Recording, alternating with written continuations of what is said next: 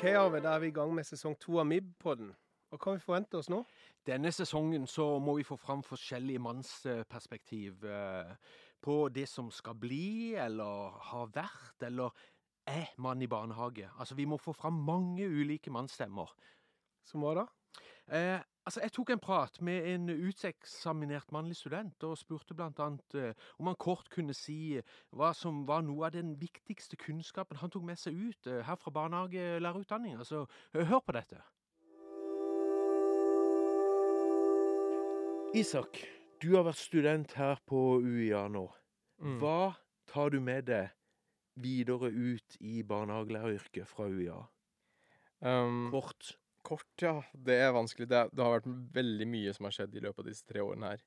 Men jeg tror eh, kanskje det viktigste, det er hvorfor vi gjør denne jobben her. Mm. Eh, hvorfor vi trenger menn i barnehage. Eller hvorfor vi trenger folk som jobber i barnehage generelt også. Mm. Eh, lojaliteten til barna. Eh, vernet om eh, barndommen. Det å kunne gi barn en, en fantastisk start på livet. Det tror jeg kanskje er det viktigste jeg tar med meg.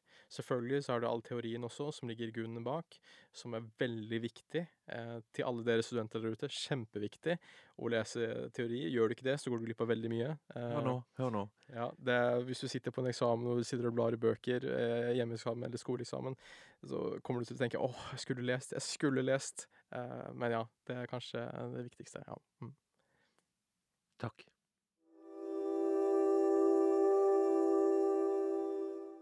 Og så fikk vi i tillegg masse annet snacks. Så her må jo både menn og kvinner lytte til MIB-podden, Svein. Absolutt. Følg med på neste sesong av MIB-podden.